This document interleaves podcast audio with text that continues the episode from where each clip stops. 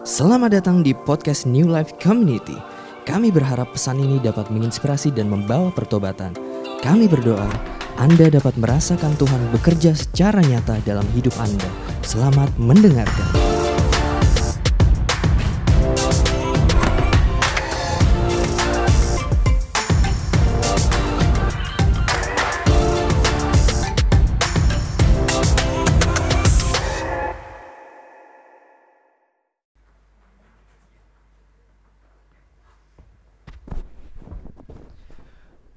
Puji Tuhan, Shalom NLC.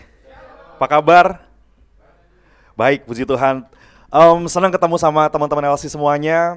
Ya, in case ada beberapa yang mungkin masih belum kenal sama aku, perkenalkan nama aku Dika Permana. Aku melayani di sebuah gereja di Jakarta Utara namanya GBI Christ Bread Ministry. Di sana aku dipercaya sebagai uh, wakil gembala sidang dan aku sama istriku namanya Audrey. Uh, kita juga um, apa merintis atau membangun satu pelayanan anak muda namanya Infinite Community sejak tahun 2015 yang lalu teman-teman semua. Dan aku berdoa supaya uh, hari ini juga teman-teman bisa dapatin suatu hal yang hebat yang baik. Ada informasi ada um, sesuatu yang teman-teman bisa jadikan satu berkat dan tentunya untuk memberkati yang lain juga amin. Hari ini kita mau sama-sama belajar teman-teman tentang um, abide and thrive. Tapi ada satu um, tema khusus yang aku siapkan untuk NLC. Masih sama tentang thrive dan abide juga, tapi aku sedikit tambahin thrive not survive. Thrive not survive. Nah, kalau kita ngomongin soal uh, survive, apakah bisa?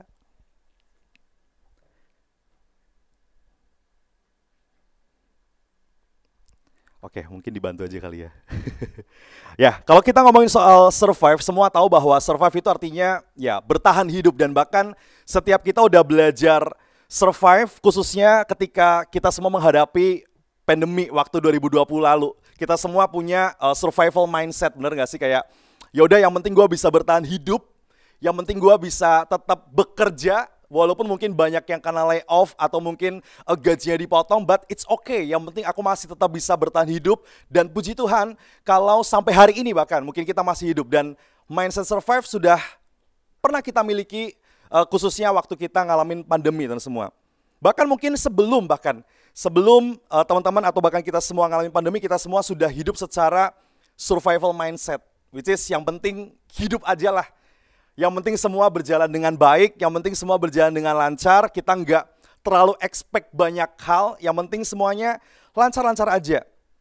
Yang kuliah mungkin, oke okay, yang penting pergi kuliah, terus kemudian pulang, and then yang penting lulus. Atau bahkan yang kerja, ah nggak apa-apa, yang penting gue udah kelarin kerjaan gue sebisa gue aja, yang penting gue bisa pulang, terus kemudian bisa makan setiap bulan gajian, dan ya begitu aja. Dan bahkan nggak sedikit yang mereka tetap berjuang, bertahan, sekalipun ternyata mereka merasa menderita dalam hidupnya. Mereka tetap berjuang, bertahan hidup, sekalipun menderita dalam hidupnya. Dan kebanyakan survive itu bukanlah kehidupan yang kita inginkan, teman-teman semua. Survive itu bukan kehidupan yang kita inginkan sekalipun. Setiap kita masih bersyukur kita bisa bertahan hidup, teman-teman semua. Tapi Sebenarnya survive ini bukan kehidupan yang kita inginkan. Hanya ada satu kehidupan yang kita inginkan yaitu thrive. Yaitu berkembang pesat. Amin. Kalau cuma sekedar survive, aku yakin bahwa setiap kita semuanya sampai hari ini sudah bisa survive. Karena teman-teman ada di tempat ini, teman-teman masih bisa makan, bisa minum, bisa kerja, bisa sekolah, bisa kuliah, bisa pelayanan. That's all. Dan teman-teman sudah bertahan di dalamnya. Tetapi apakah tidak ada gairah, tidak ada keinginan, tidak ada uh, impian atau harapan untuk kita semua bisa lebih dari kita hari ini teman semua. Dan itulah thrive namanya. Berkembang pesat. Di mana aku yakin bahwa setiap orang yang thrive atau semua, setiap orang yang ingin dalam hidupnya berkembang pesat, tentunya pasti akan ada gairah dalam hidup. Tentunya juga pasti akan ada impian dalam hidup. Dan bahkan mereka nggak merasa cukup di dalam apa yang mereka bisa sebenarnya dapatkan lebih dari itu. Dan bahkan mereka akan merasa kehadirannya akan berguna di dunia ini. Karena apa? Karena mereka memiliki tujuan. Itulah orang-orang yang thrive. Mereka punya gairah untuk hidup. Ketika bangun pagi, mereka happy, mereka merasa bahwa wow, Hari ini apa ya Tuhan mau kerjakan buat aku? Hari ini apa ya aku bisa lakukan untuk bisa jadi berkat bagi banyak orang? Wow, thank you God, aku udah bisa bangun pagi. Kira-kira Tuhan punya misi apa nih buat aku hari ini? Ada satu gairah. Tapi nggak jarang di antara kita yang bangun pagi, mereka malah bingung mau ngapain hari ini. Mereka justru malah merasa kayak, ya udah hari Senin lagi nih. Ya udah hari Selasa lagi nih. Ya udah dan lain sebagainya terus semua. Yang ada keluhan-keluhan dan keluhan setiap harinya. Dan inilah satu pembeda Di mana ketika orang yang hanya hidup untuk survive, dia akan merasa bahwa hidupnya akan flat begitu aja. Dia akan merasa bahwa semua yang dilakukan sudah oke, okay, yang penting gue bisa hidup dan seterusnya. Tetapi ternyata sebenarnya ada satu hal lagi yang lebih dari itu, bagaimana kita harus punya gairah dalam hidup. Supaya apa? Supaya kita bisa lebih berkembang pesat. Kita kita bisa thrive dalam hidup. Nah, kita mau belajar, kira-kira thrive dalam Alkitab itu seperti apa? Apakah sudah bisa? Thrive dalam Alkitab kita sama-sama buka dalam Mazmur 92. Mazmur 92 ayat 14 sampai dengan ayat yang ke-16. Di slide juga sudah ada. Mazmur 92 ayat yang ke-13 sampai dengan ayat 16.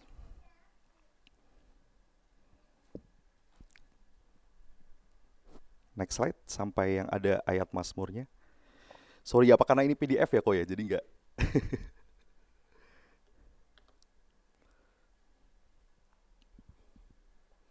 Oke, aku akan bacain buat siap kita Mazmur 92 ayat 13 sampai 16 firman Tuhan katakan, orang benar akan bertunas seperti pohon korma, akan tumbuh subur seperti pohon aras di Libanon. Mereka yang ditanam di bait Tuhan akan bertunas di pelataran Tuhan kita.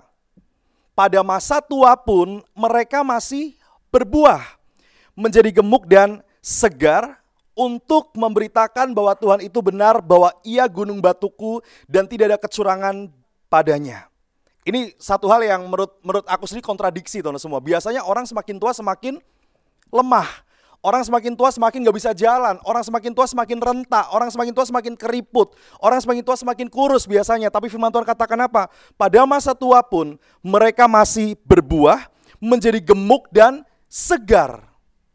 Ini satu satu kontradiktif yang ada memang teman semua. Bagaimana kita di dalam Tuhan memandang sebuah usia sebenarnya.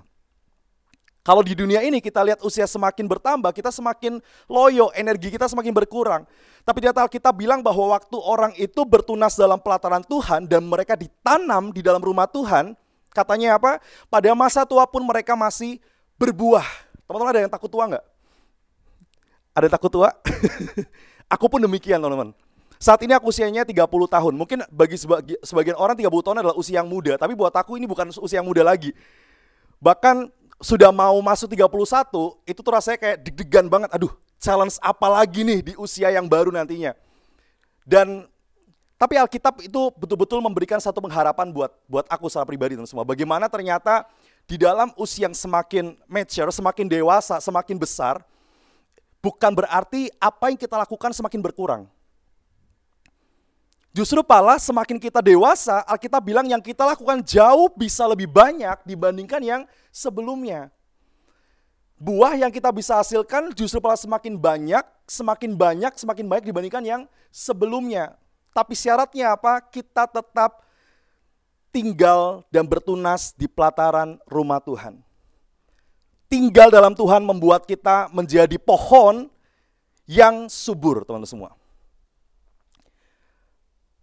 Tapi nggak banyak orang yang dulunya tinggal dalam Tuhan, subur, kemudian dia lepas dari situ, dia menjadi layu. Rohnya menjadi layu, teman semua. Gairahnya menjadi semakin sedikit, berkurang, bahkan habis. Untuk melayani saja mereka perlu mendorong-dorong dirinya untuk gimana caranya dia bisa mulai melayani. Kemarin aku sempat sharing sama uh, temanku, teman-teman semua, dia kebetulan sedang ya drop, tapi secara finansial. Dia bilang gini, ya ampun dik, jatuh tuh gampang banget ya, tapi bangun tuh kayaknya berat banget. Eh sorry jatuh tuh kayaknya ringan banget ya tapi bangun tuh berat banget dia bilang seperti itu. Itu kata-kata yang kayaknya sederhana yang dilontarkan oleh seorang yang sedang drop secara finansial tapi membuat aku berpikir bahwa ternyata nggak cuma secara finansial jatuh itu ringan dan bangun itu berat. Secara kerohanian secara kehidupan relationship semuanya pun sama sebenarnya.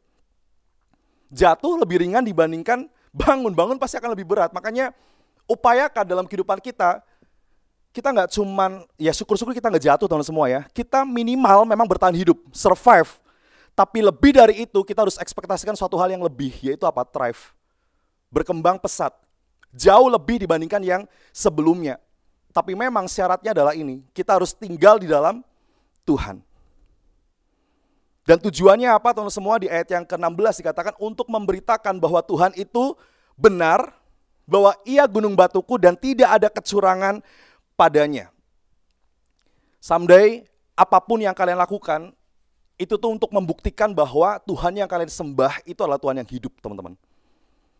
Yang kalian coba buktikan dalam kehidupan kalian bukan lagi kita membuktikan bahwa kita berhasil dalam hidup karena kekuatan kita kita bisa berubah secara keuangan karena kekuatan kita. Kita bisa berubah secara penampilan karena kekuatan kita. Enggak. Tapi untuk orang-orang percaya, nextnya teman semua, ketika kita mengalami perubahan dalam hidup, tujuannya adalah apa? Untuk membuktikan bahwa Tuhan itu hidup dalam kehidupan kita. Amin. Aku pun punya punya visi yang besar tentang masa depanku, teman-teman. Tentang masa depanku nggak cuma di soal pelayanan, tapi soal pekerjaan juga, atau soal relationship juga, teman-teman semua. Dan memang terkadang aku mencoba untuk memberikan pembuktian-pembuktian kecil dalam diriku minimal supaya aku juga yakin bahwa iya Tuhan itu hebat dalam kehidupanku. That's why ya orang-orang yang kenal sama aku mereka akan melihat kok kayaknya Dika dalam hidupnya punya target, target, target dan target. Tapi sebenarnya target itu bukan untuk istilahnya apa ya?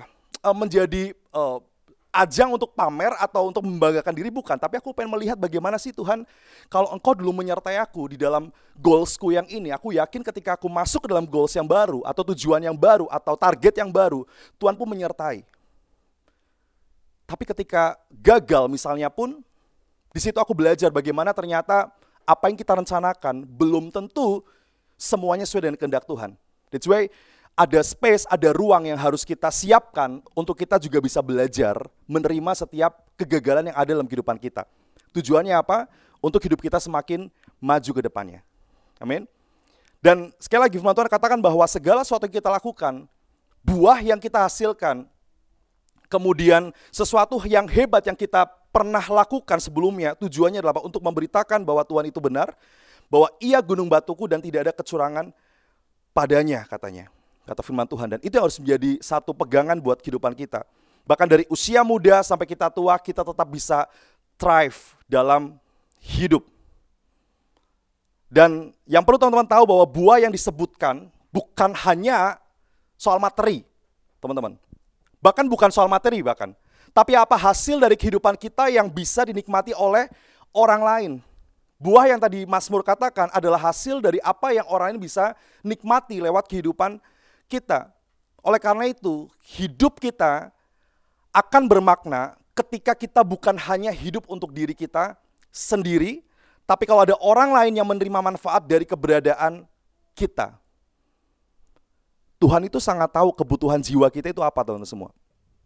Dia sangat tahu kebutuhan jiwa kita itu apa, sehingga dia tahu bagaimana cara memenuhi kebutuhan jiwa kita.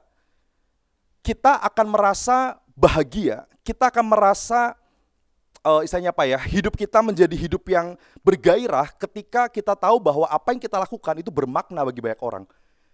Dan Tuhan sengaja bawa kita kepada satu tujuan yaitu memuliakan Tuhan lewat cara apa? Lewat cara kita bermanfaat bagi banyak orang supaya apa?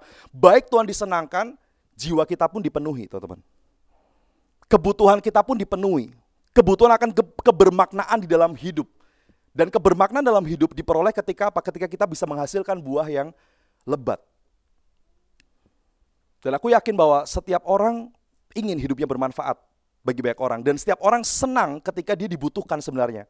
Hanya mungkin terkadang mereka nggak tahu caranya gimana untuk bisa memenuhi kebutuhan orang lain misalnya. Atau bagaimana caranya mereka menjadi berkat bagi orang lain. Tapi setiap orang pasti suka kalau dia dibutuhkan teman-teman sebenarnya. Walaupun memang realitanya terkadang orang merasa nggak mau repot dalam hidupnya. Apa ini sih lu minta tolong sama gue? Tapi sebenarnya dalam hati kecilnya pasti ada rasa kebanggaan ketika orang tersebut yang kita tolong mereka bisa berhasil dalam hidup. Ketika orang yang kita tolong misalnya atau kita mentoring mereka bisa bertumbuh dalam hidup, pasti ada satu kebanggaan dan sukacita dalam kehidupan kita. Dan Tuhan bawa itu menjadi satu tujuan dalam kehidupan kita. Supaya apa? Ujungnya juga akan memuliakan nama Tuhan. Lalu bagaimana caranya? untuk saya bisa hidup atau setiap kita bisa hidup dalam kehidupan yang thrive teman-teman. Sementara terkadang kita merasa bahwa hidup sehari-hari aja udah berat banget kayaknya. Untuk makan sehari-hari aja kayaknya udah cukup sulit buat setiap kita. Gimana caranya kita bisa thrive atau gimana caranya kita bisa berpindah dari mode survive ke mode thrive. Nah, ada dua hal yang aku mau uh, sampaikan buat teman-teman semua gimana caranya kita bisa berubah dari mode survive ke mode thrive. Yang pertama, yang harus kita lakukan yaitu break the wall. Amin. Kita harus ancurin tembok yang kita bangun, teman-teman semua. Tembok apa pun dalam kehidupan kita kita bangun. Karena apa? Karena orang dalam mode survive nggak sadar bahwa dirinya terperangkap oleh tembok sebenarnya. Orang yang berada dalam mode survive nggak sadar bahwa dirinya dan hidupnya sedang terperangkap dalam sebuah tembok. Mereka dalam tembok dan mereka nggak bisa ke mana-mana. Sehingga mereka merasa bahwa oh yaudah yang penting cukup lah, yang penting bisa makan lah, yang penting bisa cukup untuk ini, itu, dan seterusnya teman semua. So sekarang kira-kira apa tembok yang kita punya? Tembok kekecewaankah? Kita karena takut kecewa sama orang lain, akhirnya kita bangun tembok misalnya tembok trauma masa lalu kita kah karena kita melihat mungkin orang tua kita gagal dalam hidupnya misalnya teman semua ya. Sehingga akhirnya kita bikin tembok defense dalam kehidupan kita. Tembok-tembok apa yang kita punya ini yang harus kita renungkan. Atau mungkin ada teman-teman yang sulit membayangkan masa depan yang baik. Ini banyak loh. Aku percaya teman-teman di analisis semuanya open minded semua nih. Tapi aku banyak ketemu sama anak-anak ya, teman-teman semua ya. Anak-anak yang mereka untuk bermimpi saja, membayangkan saja, mereka nggak berani teman-teman. Untuk membayangkan mereka bisa hidup lebih baik dibandingkan hari ini, itu mereka nggak berani loh. Mereka selalu melihat, ah ngapain lah gue mikirin gitu Kak Dika. Orang tua gue aja begitu, nggak mungkin lah. Ya kalau lu mah wajar bro, lu kan gini-gini dan seterusnya. Kalau dia mah enak, dia mah papanya, mamanya udah kaya dan seterusnya dan semua. Lah gua, dibilang, makannya susah. Bahkan untuk membayangkan suatu hal yang indah, yang baik dalam hidupnya untuk masa depannya, mereka nggak berani. Dan ini realita, teman-teman. Ah masa sih gue bisa bertobat? Nggak mungkin lah. Gue tiap hari udah kayaknya mau bangunnya susah banget kak. Jatuh mulu, jatuh mulu, jatuh mulu. Kayaknya udah nggak mungkin diselamatkan lagi deh dan seterusnya. Untuk membayangkan suatu hal yang baik mereka nggak bisa. Tapi jangan sampai teman-teman semua atau jangan-jangan di tempat ini pun ada yang untuk membayangkan masa depan yang baik saja itu adalah satu kesulitan buat kita, teman-teman. Kalau demikian artinya ada tembok yang sedang kita bangun dalam kehidupan kita. Ada tembok yang sedang teman-teman bangun dalam kehidupan teman-teman sehingga untuk maju pada akhirnya kalian merasa berat, merasa susah, merasa nggak mungkin totally nggak mungkin sama sekali kalian bisa berubah misalnya. Artinya ada tembok yang sedang dibangun. Dan bahkan teman-teman, mungkin kita membangun wall itu atau tembok itu supaya kita nggak kecewa jika kita tidak mendapatkannya nanti.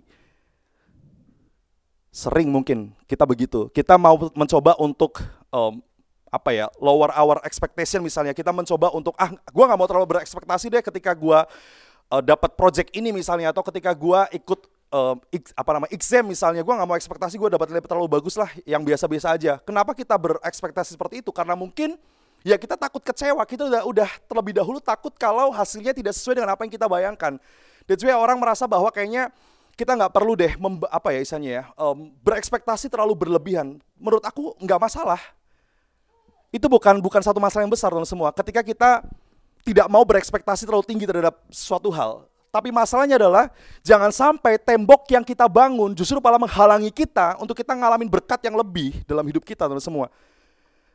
Karena apa? Iya, mungkin kita bangun tembok itu supaya kita nggak kecewa jika kita tidak mendapatkannya nanti, teman-teman. Betul, kita bangun tembok itu supaya kita nggak kecewa kalau kita nggak dapetin nanti, teman-teman. Tapi masalahnya, Waktu kita bangun tembok, gak cuma hal buruk yang mungkin gak masuk dalam tembok itu dan semua. Tapi bisa jadi hal-hal baik pun yang tadinya mau menghampiri kita karena kita punya tembok akhirnya gak bisa masuk sama kehidupan kita gitu loh.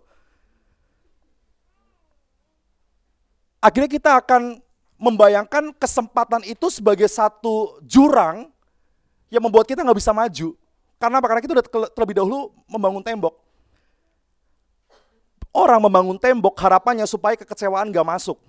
Tapi sebenarnya teman semua, sekalipun kita sudah membangun tembok, kalau di dalam diri kita masih rusak, kalau dalam diri kita masih belum pulih, tembok setinggi apa pun, sekuat apa pun, tidak pernah bisa menjamin gak akan pernah ada kekecewaan yang masuk dalam kehidupan kita. Kapan pun, di mana pun kita ketemu sama orang, kita pasti akan kecewa. Itu intinya sebenarnya. Ketemu sama siapa pun, kita tuh pasti bisa kecewa teman semua. Di mana pun kita berada, bahkan sama anak kita pun, kita bisa kecewa. sama suami, sama istri, sama pacar, sama orang yang kelihatan baik depan kita, kita bisa kecewa. That's why setinggi apa pun tembok yang kita bangun, kalau memang dasarnya hati kita masih belum pulih, teman-teman semua, tidak akan menghalangi kecewaan itu nggak datang sama kita. Tapi kita yang rugi, karena apa? Karena semakin tinggi tembok yang kita bangun, bukan cuma hal buruk yang kita harapkan tidak masuk, tapi jangan jangan-jangan hal-hal yang baik bisa jadi nggak jadi masuk sama kita kita mau kenal sama orang, kita udah curiga dulu sama orang itu, jangan-jangan dia orang jahat lagi. Oke, trust no one, gak apa-apa teman semua. Tapi jangan sampai hal itu membuat kita jadinya terlalu takut berlebihan, dan kita nggak dapat berkat apa-apa gitu loh. Iya, aku sedang mengalami hal yang mungkin apa ya, um, istriku tahu banget bahwa aku sedang hari-hari ini sedang dikecewakan oleh banyak hal. Aku berhubungan dengan banyak orang. Ya kontraktor, ya karyawan teman semua, ya anak-anak yang kami mentoring, iya. Dan rasa-rasanya kalau dilihat secara mata jasmani, semuanya mengecewakan. Semuanya bikin capek. Padahal gue bayar kontraktor ini, kenapa mereka kerja lama banget dan seterusnya. Mereka emang gak rugi ya bayar tukang dan seterusnya. Kadang ada pikiran-pikiran seperti itu gitu loh teman-teman semua. Tapi gini loh, sebisa mungkin dalam kehidupanku, aku mencoba untuk menata hati supaya jangan sampai ya oke okay, setiap orang bisa kecewa teman semua. Tapi jangan sampai kekecewaan itu merusak kehidupan kita sampai kira kita bisa menjadi orang yang sakit dalam hidup. Sakit apa pun.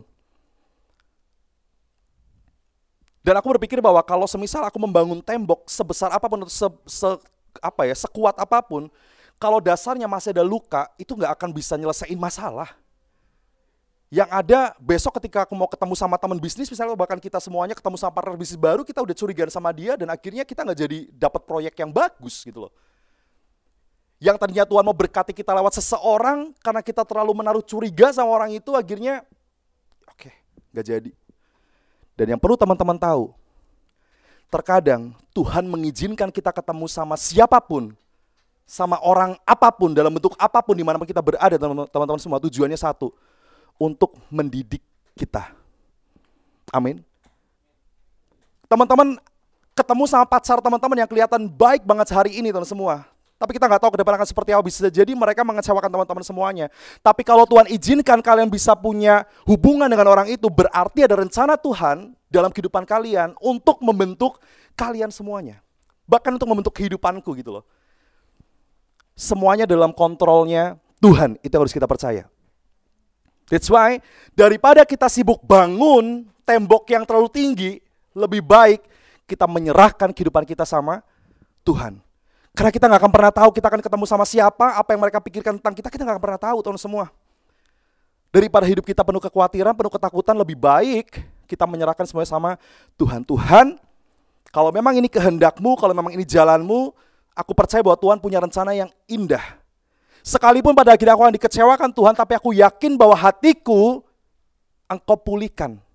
Dan aku yakin bahwa inilah caramu untuk memulihkan hidupku. Kita juga kadang perlu ketemu sama orang-orang yang rese-rese seperti itu teman semua. Kita perlu ketemu sama orang yang kelihatan nyakitin kita terus supaya apa? Supaya kita nggak jadi orang yang sombong dalam hidup.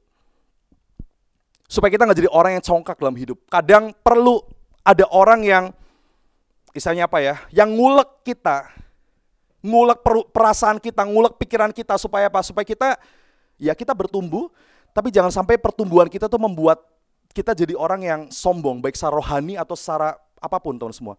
Kita perlu orang-orang yang seperti itu dan Tuhan izinkan, Tuhan luaskan. Tujuannya apa? Supaya kita tetap rendah hati di depan Tuhan. Karena kalau misalnya hidup kita terus naik, naik, naik, naik terus tanpa ada challenge di kanan kiri, bisa jadi yang motivasi utamanya kita adalah harusnya Tuhan, tapi kita bisa bergeser. Dan 0,01 derajat saja kita bergeser, teman semua itu bisa mengalihkan arah yang seharusnya kita kepada Tuhan, tapi kita bisa berbalik arah kepada diri kita malah. Kita merasa bahwa kita yang hebat, kita merasa kita yang kuat, kita merasa kita yang paling sanggup, kita merasa kita paling pinter, kita merasa kita paling istimewa, kita merasa kita paling segala-galanya sampai akhirnya kita melupakan bahwa Tuhanlah yang membuat kita menjadi seperti ini sekarang atau berada pada posisi itu. That's why kadang perlu orang-orang yang mengecewakan kita. Nah, ini ngomongin soal tembok. Daripada kita capek membangun tembok dalam kehidupan kita yang akhirnya juga akan membuat nggak cuma hal buruk mungkin nggak ada dalam kehidupan kita atau nggak masuk dalam kehidupan kita, tapi hal baik pun bisa tidak masuk dalam kehidupan kita. Oleh karena itu, kita harus menyerahkan semua sama Tuhan. Break the wall dan yang kedua adalah kita harus betul-betul mau tinggal dalam Yesus. Amin. Kita harus tinggal dalam Yesus.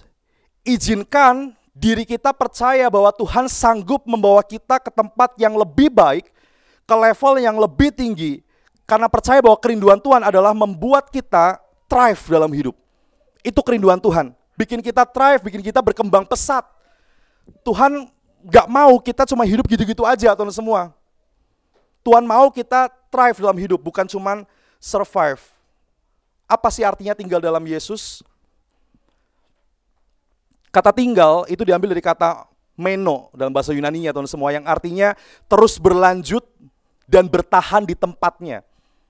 Mungkin agak sedikit lo apa kalau begitu apa bedanya dengan survive?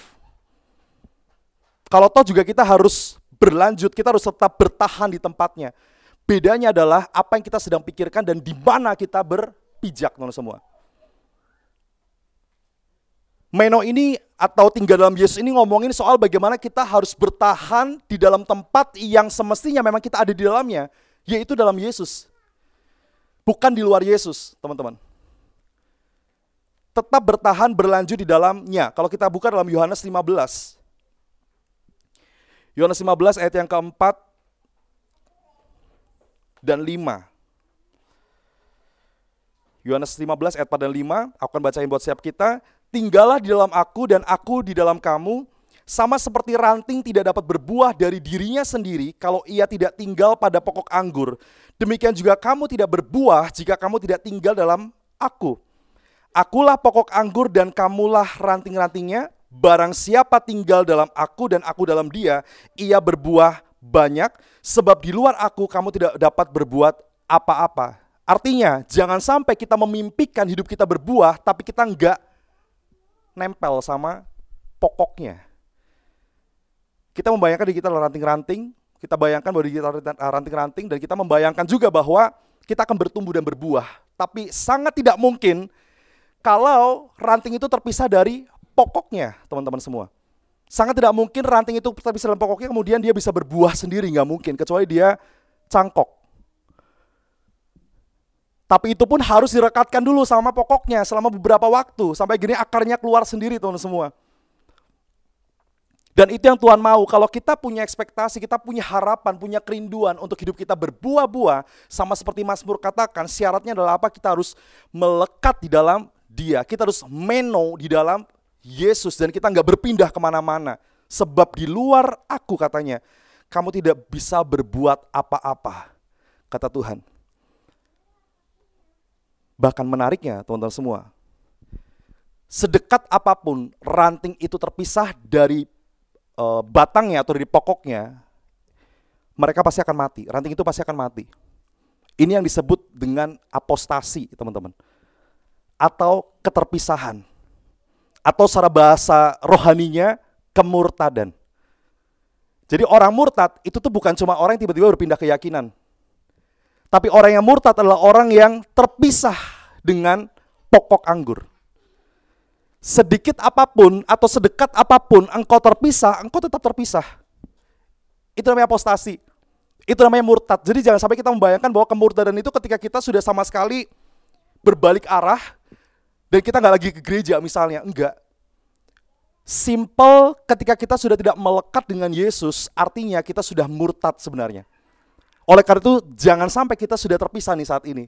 Mumpung kita masih melekat dengan Yesus, kita perbaharui terus hubungan kita dengan Tuhan. Kita minta si pokok anggur tersebut mengalirkan energi-energi, mengalirkan vitamin yang baik buat kita sebagai ranting supaya kita tetap bisa berbuah pada akhirnya teman semua. Dan itu yang Tuhan mau. Dia yang tinggal dalam aku akan menghasilkan banyak buah katanya. Akan menghasilkan banyak buah. Dan kesalahan orang Kristen adalah berusaha bertobat, berusaha berubah dengan kekuatannya sendiri. Tapi aku mau bilang bahwa percaya kepada Yesus itu adalah awal. Percaya pada Yesus adalah awal. Tapi untuk tinggal dalam Yesus, apalagi berbuah dalam Yesus, kita harus jadi murid. Kita harus jadi murid. Jadi jangan cuma bangga kalau kita percaya sama Yesus guys setan pun percaya sama Yesus. Tapi bedanya mereka nggak diselamatkan sama Yesus. Kita yang diselamatkan. Oleh karena itu Tuhan mau kita nggak cuma sekedar percaya aja, tapi kita harus betul-betul mengalami satu perubahan dalam hidup dan bahkan lebih dari itu kita memiliki buah-buah yang lebat. Tapi caranya apa? Kita harus tinggal dalam Yesus dengan cara apa? Kita jadi murid Yesus.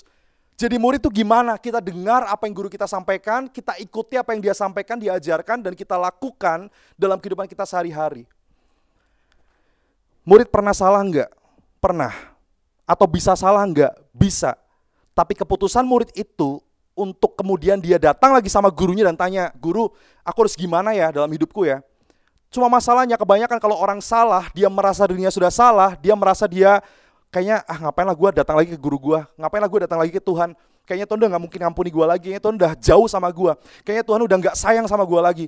Kita yang akhirnya membuat asumsi dalam kehidupan kita bahwa Tuhan gak sayang sama kita, padahal dia adalah Tuhan yang mau mengasihi kita sampai selama-lamanya. Keberhargaan kita nggak akan hilang hanya karena kita bersalah. Karena apa teman semua? Karena semua dosa, firman Tuhan katakan sudah diselesaikan. Artinya sekecil apa pun dosa yang kita punya atau sebesar apa pun dosa yang kita punya, tidak akan mengubah mata Tuhan melihat kita yang berharga. Amin. Itu yang harus kita miliki teman-teman. Sehingga kalau hari ini teman-teman sedang merasa jauh dari Tuhan dan kalian merasa takut balik lagi sama Tuhan, come on guys. Yang harus kalian ingat adalah bagaimana Tuhan memandang kita, jangan kita memandang Tuhan. Kita memandang Tuhan bisa salah, teman-teman. Cara pandang kita sama Tuhan bisa keliru. Kita bisa berasumsi Tuhan itu sama kayak papa kita yang suka nyakitin kita mungkin. Atau Tuhan sama dengan orang lain yang ketika dikecewakan meninggalkan kita mungkin. Tapi sebenarnya dia bukan Tuhan yang seperti itu. Hiduplah sesuai dengan bagaimana Tuhan memandang kita. Kalau Alkitab bilang bahwa kita berharga, kita biji matanya, kita kesayangannya, itulah Tuhan. Dan itulah kebenarannya gitu loh. Percaya sama Yesus adalah awal. Tinggal dalam Yesus, ya kita harus menjadi murid Tuhan. Kita harus ikut apa kata guru kita, kita harus taat dan kita harus berserah penuh. Udah, percaya aja lah sama guru. Biasanya guru itu lebih punya pengalaman yang lebih dibandingkan kita gitu loh. Atau mentor atau siapa pun pemimpin kita jauh lebih punya pengalaman hebat dibandingkan kita teman semua. Jadi apalagi kalau misalnya kita menganggap bahwa Tuhan itu adalah mentor kita, guru kita, pemimpin kita, udah ikut aja sama dia. Dia nggak akan biarin kita salah sebenarnya teman semua. Atau bahkan dia nggak akan menjerumuskan kita untuk masuk ke dalam jurang maut, nggak mungkin. Justru kita sendiri yang membawa diri kita kepada pencobaan. Makanya kita berdoa Tuhan, bebaskan aku dari pencobaan katanya. Karena apa? Karena kita sering, sering kali membawa diri kita mendekat kepada pencobaan itu gitu loh. Rasa-rasanya magnet pencobaan jauh lebih kuat dibandingkan magnet surgawi gitu loh. Tapi aku yakin kalau kita tinggal dalam Tuhan dan terus mempertahankan diri kita tinggal dalam Tuhan, buah-buah itu akan kita hasilkan dan godaan-godaan atau tawaran-tawaran di luar hal itu teman-teman semua bisa kita tampiasin atau kita apa ya uh, halaukan lah maksudnya kita hilangkan kita jauhkan kita singkirkan setiap tawaran-tawaran yang akhirnya membuat kita masuk ke hal yang tidak benar teman-teman semua. Syaratnya adalah tinggal dalam Tuhan. Jangan sampai salah. Kita berbuah bukan supaya diselamatkan, tapi karena sudah menerima keselamatan. Setiap kita menghasilkan buah bukan supaya kita masuk surga, bukan, tapi karena kita sudah diselamatkan, itulah kenapa kita harus menghasilkan buah. Karena kita sudah disatukan dengan pokok anggur itu gitu loh. Filipi 2 ayat 22. Dikit lagi ya. Filipi 2 ayat 22. Eh sorry, ayat 12. Filipi 12 dikatakan, Hai saudara-saudaraku yang kekasih, kamu senantiasa taat. Karena itu, tetaplah kerjakan keselamatanmu dengan takut dan gentar, bukan saja seperti waktu aku masih hadir, tetapi terlebih pula sekarang waktu aku tidak hadir. Ayat 15, supaya kamu tidak beraib dan tiada bernoda sebagai anak-anak Tuhan yang tidak bercela di tengah-tengah angkatan yang bengkok hatinya dan kamu dan yang sesat ini sehingga kamu bercahaya di antara mereka seperti bintang-bintang di dunia. Kebanyakan orang merasa bahwa kamu harus mengerjakan keselamatan supaya kamu selamat. So, supaya kamu tetap tinggal dalam keselamatan itu. Tapi Alkitab katakan bahwa kita mengerjakan keselamatan itu tuh bukan supaya kita selamat karena kita sudah diselamatkan. Nangkap teman-teman ya, kita sudah diselamatkan kok. Jadi kita mengerjakan keselamatan bukan supaya kita tetap selamat, enggak. Tapi kenapa kita harus mengerjakan keselamatan? Karena apa? Karena kita tuh lagi berada di satu situasi, di satu lingkungan, di satu pengaruh yang hebat yang membuat kita bisa saja berbelok ke arah mereka gitu loh. Makanya dikatakan di ayat 15, supaya kamu tiada beraib dan tiada bernoda sebagai anak-anak Allah yang tidak bercela. Ini tujuan kita mengerjakan keselamatan. Di tengah-tengah angkatan yang bengkok hatinya dan yang sesat ini, sehingga kamu bercahaya di antara mereka. Kenapa kita harus mengerjakan keselamatan? Tujuannya apa? Supaya kita bercahaya di hadapan mereka. Supaya kita tampil beda. Dan ujungnya apa? mereka melihat perubahan hidup dalam kehidupan kita, mereka memuliakan Tuhan. Itu tujuannya teman semua. Seperti bintang-bintang di dunia. Artinya bukan hal yang mustahil, Tuhan itu bisa mengangkat kita lebih terang, lebih terang, lebih terang lagi dibandingkan yang lainnya. Bukan hal yang mustahil, yang penting kita tetap mengerjakan keselamatan itu Tuhan percayakan sama kita, kita kerjakan kehidupan yang benar, kita tetap kerjakan kehidupan yang suci, yang kudus, supaya ketika pun di mana pun kita berada, teman semua, orang bisa melihat satu pembeda dalam kehidupan kita, dan itu yang membuat akhirnya mereka bisa percaya sama Yesus, dan bahkan mereka memuliakan Tuhan. Kita berbuah di situ. Proses thriving uh, setelah menerima Yesus adalah menjadi terang bagi orang-orang yang berada dalam kegelapan. Ini udah menjadi satu hal yang istilahnya apa ya? yang harus kita pikirkan harus menjadi prinsip dalam kehidupan kita bahwa kalau kita sudah thrive dalam hidup, otomatis teman-teman semua ketika kita tinggal dalam Tuhan, kita akan menjadi terang bagi orang-orang yang ada di sekitar kita. Itu udah pasti. Kalau saat ini kita belum pernah memberitakan tentang Yesus ke orang lain, artinya kita masih hidup dalam mode survive, bayangkan. Kalau kita masih belum berani untuk share tentang kebaikan Tuhan, cerita tentang Yesus dalam kehidupan kita, kita berarti masih dalam mode survive.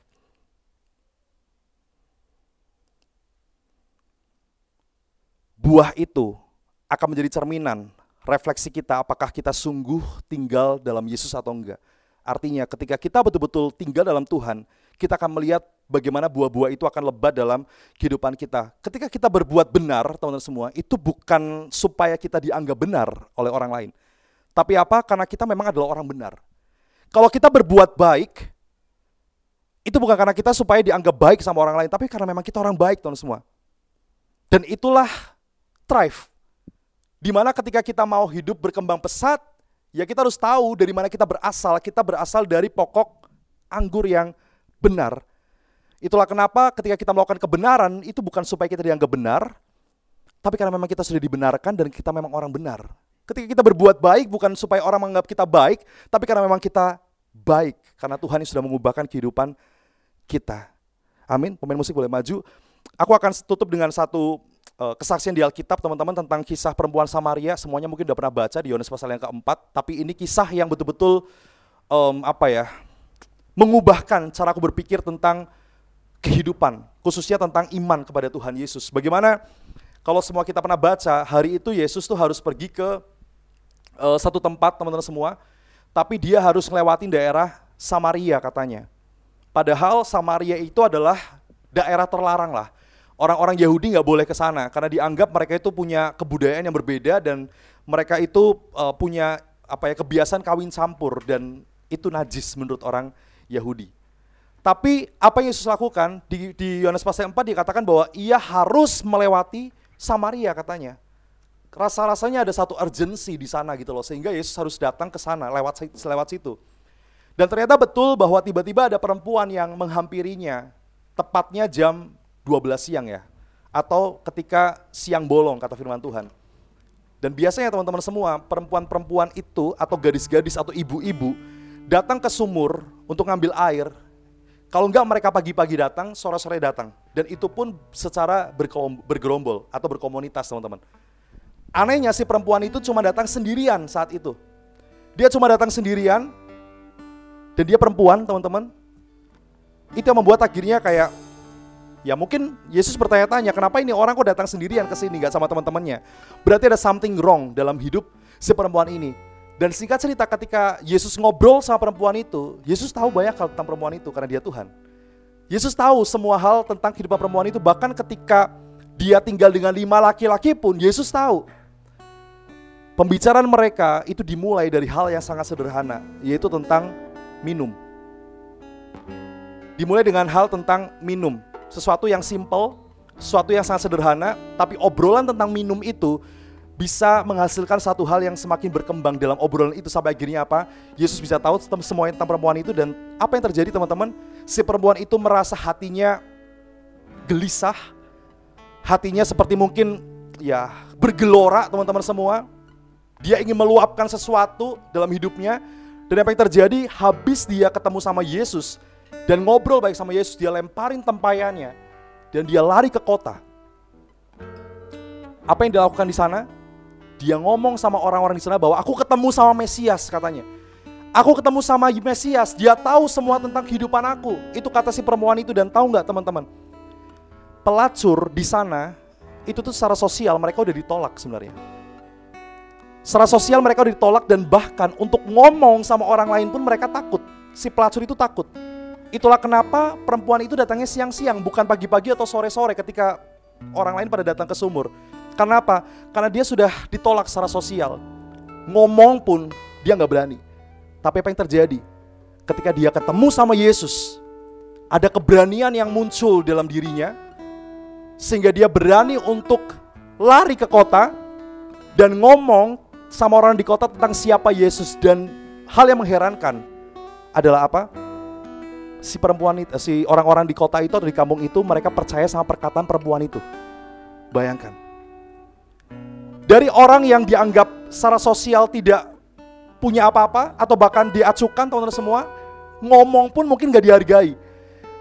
Once dia ketemu sama Yesus, orang yang berada pada posisi yang sangat terpuruk, yang tidak memiliki keberhargaan dalam hidupnya, bisa diubahkan sama Tuhan Sampai akhirnya perkataannya dipercaya sama orang-orang di sana. Dan pada akhirnya singkat cerita, banyak orang-orang di sana yang percaya sama Yesus bahkan minta Yesus tinggal beberapa lama di kota itu katanya. Sampai akhirnya mereka percaya bahwa mereka percaya bukan karena mendengar perkataan dari perempuan itu, tapi mereka percaya karena mereka dengar sendiri dari Yesus. Itu yang si orang-orang di kota itu katakan. Poinnya adalah gini teman-teman semua. Aku melihat si perempuan ini dia punya jiwa drive yang sangat tinggi. Walaupun awalnya dia cuma punya survive mode. Dia cuma hidup dalam keterbatasan. Dia cuma kayak yaudah yang penting bertahan hidup. Sebisa mungkin gue nggak usah ngomong sama kanan kiri karena gue tahu konsekuensinya apa ketika gue ngomong sama kanan kiri bisa-bisa gue dilempari batu dan seterusnya. Dia survive dalam dosanya. Dia survive dalam kehidupannya saat itu. Tapi waktu ketemu sama Tuhan, pola pikirnya diubahkan. Hatinya diubahkan hidupnya diubahkan dan sampai akhirnya teman semua dia punya keberanian ngomong sama seluruh orang di kampung itu dan mereka bisa percaya sama Yesus. Ini adalah satu perubahan hidup yang hebat teman-teman. Dan tadi aku sempat katakan bahwa dimulai dari perbincangan yang sangat sederhana yaitu soal minum. Ini juga yang kita bisa lakukan kepada orang-orang yang belum kenal Tuhan. Kadang kita menginjil atau kita mau jadi berkat bagi orang, kita sudah berpikir suatu hal yang sulit. Gue harus ngomong apa? Gue bukan sekolah teologi. Gue gak ngerti tentang Alkitab terlalu banyak dan seterusnya. Padahal dari hal yang sederhana, dari perkara minum itu bisa menghasilkan satu obrolan yang bahkan semakin dalam, semakin dalam dan akhirnya bisa mengubahkan pola pikir orang. Dan itu yang bisa kita lakukan teman-teman. Mulai dengan hal yang sederhana sampai akhirnya buah-buah itu bisa kita hasilkan karena pekerjaan Tuhan yang hebat dalam kehidupan kita. Amin. Semoga teman-teman bisa dapetin sesuatu di hari ini dan ini jadi kekuatan buat teman-teman untuk mau tetap tinggal dalam Tuhan dan mau thrive, nggak cuma tinggal bahkan tapi teman-teman thrive, berkembang pesat, bertumbuh subur dan bahkan akhirnya menghasilkan buah-buah yang sangat lebat. Amin. Yuk sama-sama kita berdiri.